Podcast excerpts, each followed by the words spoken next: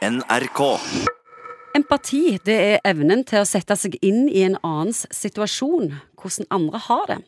Noen har mye empati, og noen har det ikke i det hele tatt. Psykolog Egon Hagen, først av alt, hva er forskjellen på empati og sympati? Sympati er liksom å synes synd på noen, eller å føle med noen. Empati handler om på en måte å være i stand til å desentrere fra sitt eget utgangspunkt, og se hvordan ser verden ut gjennom blikket til den andre personen. Hvordan formes mengden empati vi rusler rundt med? Ja, det er nok eh, igjen en sånn miks, tror jeg, av eh, litt biologi og litt oppdragelse. og Det er noe med at vi fører ofte videre ting som vi selv har blitt utsatt for. og Hvis vi har blitt utsatt for at andre har forstått oss, eller greid å ta vår perspektiv, eller se at vi er leie når vi kanskje ikke har sagt det, så er det lettere på en måte å se at ok, dette er faktisk noe som er verdifullt, og så kan du spille dette videre i forhold til andre folk. Og så sa du biologisk i starten, for det, dette er noe dyr òg har. Ja, jeg tror faktisk det, det, det er godt mulig det, at hjortamor kan forstå hva kalven trenger. For det er jo rent biologisk sett ganske viktig, fordi at det har noe med å kunne møte behov før behovet blir artikulert. Det å ha empati blir svært ofte sett på som utelukkende en god ting, men det er det ikke alltid.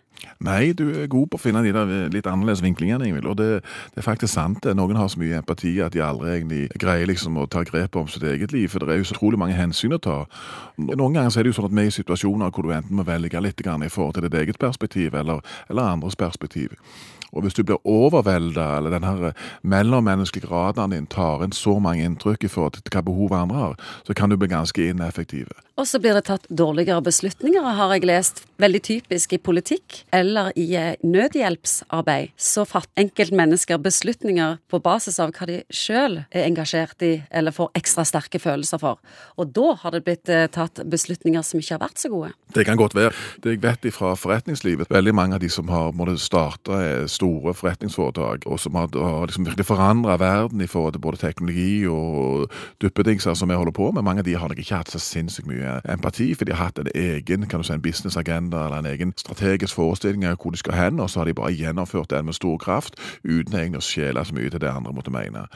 Så det å være strategisk og det å være målretta, det å virkelig ville noe, er jo på, måte, på, mange måter det stikk motsatte i forhold til empati. Det som fascinerer meg, det er at uh, sadister, torturister, de har mye empati, de. Du må liksom uh, sikkert være litt fintfølende på når nok er nok, osv. Ja, når er mennesket knekt? Hvor mye tåler de, og hvordan går vi fram?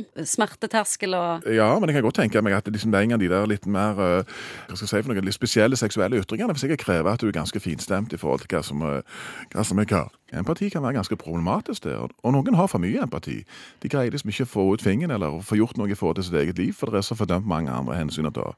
Jo mer kritisk situasjonen er, det sånn burning platform-situasjon, så kan du ikke liksom gå og springe rundt og spørre hva alle syns, og bare 'dette gjør vi', bang, clash, ferdig med det. Så, sånn at dette er òg et sånn psykologisk eh, tema som kan overforbrukes. Men, men, det er jo òg helt forferdelig hvis det ikke er empati. Jeg tror nok kvinner gjennomgående har mer empati enn det mannfolk har.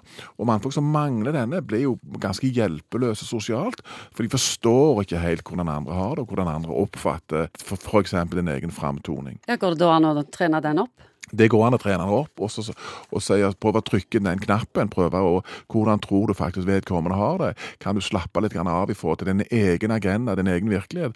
Rett og slett trene seg som pedagogisk på å ta den andres perspektiv kan vi finne en ny balanse her som gjør deg mer effektiv, og som gjør at du ikke bare liksom er locked on target i forhold til egne ting, men du faktisk òg greier å få med andre på dette.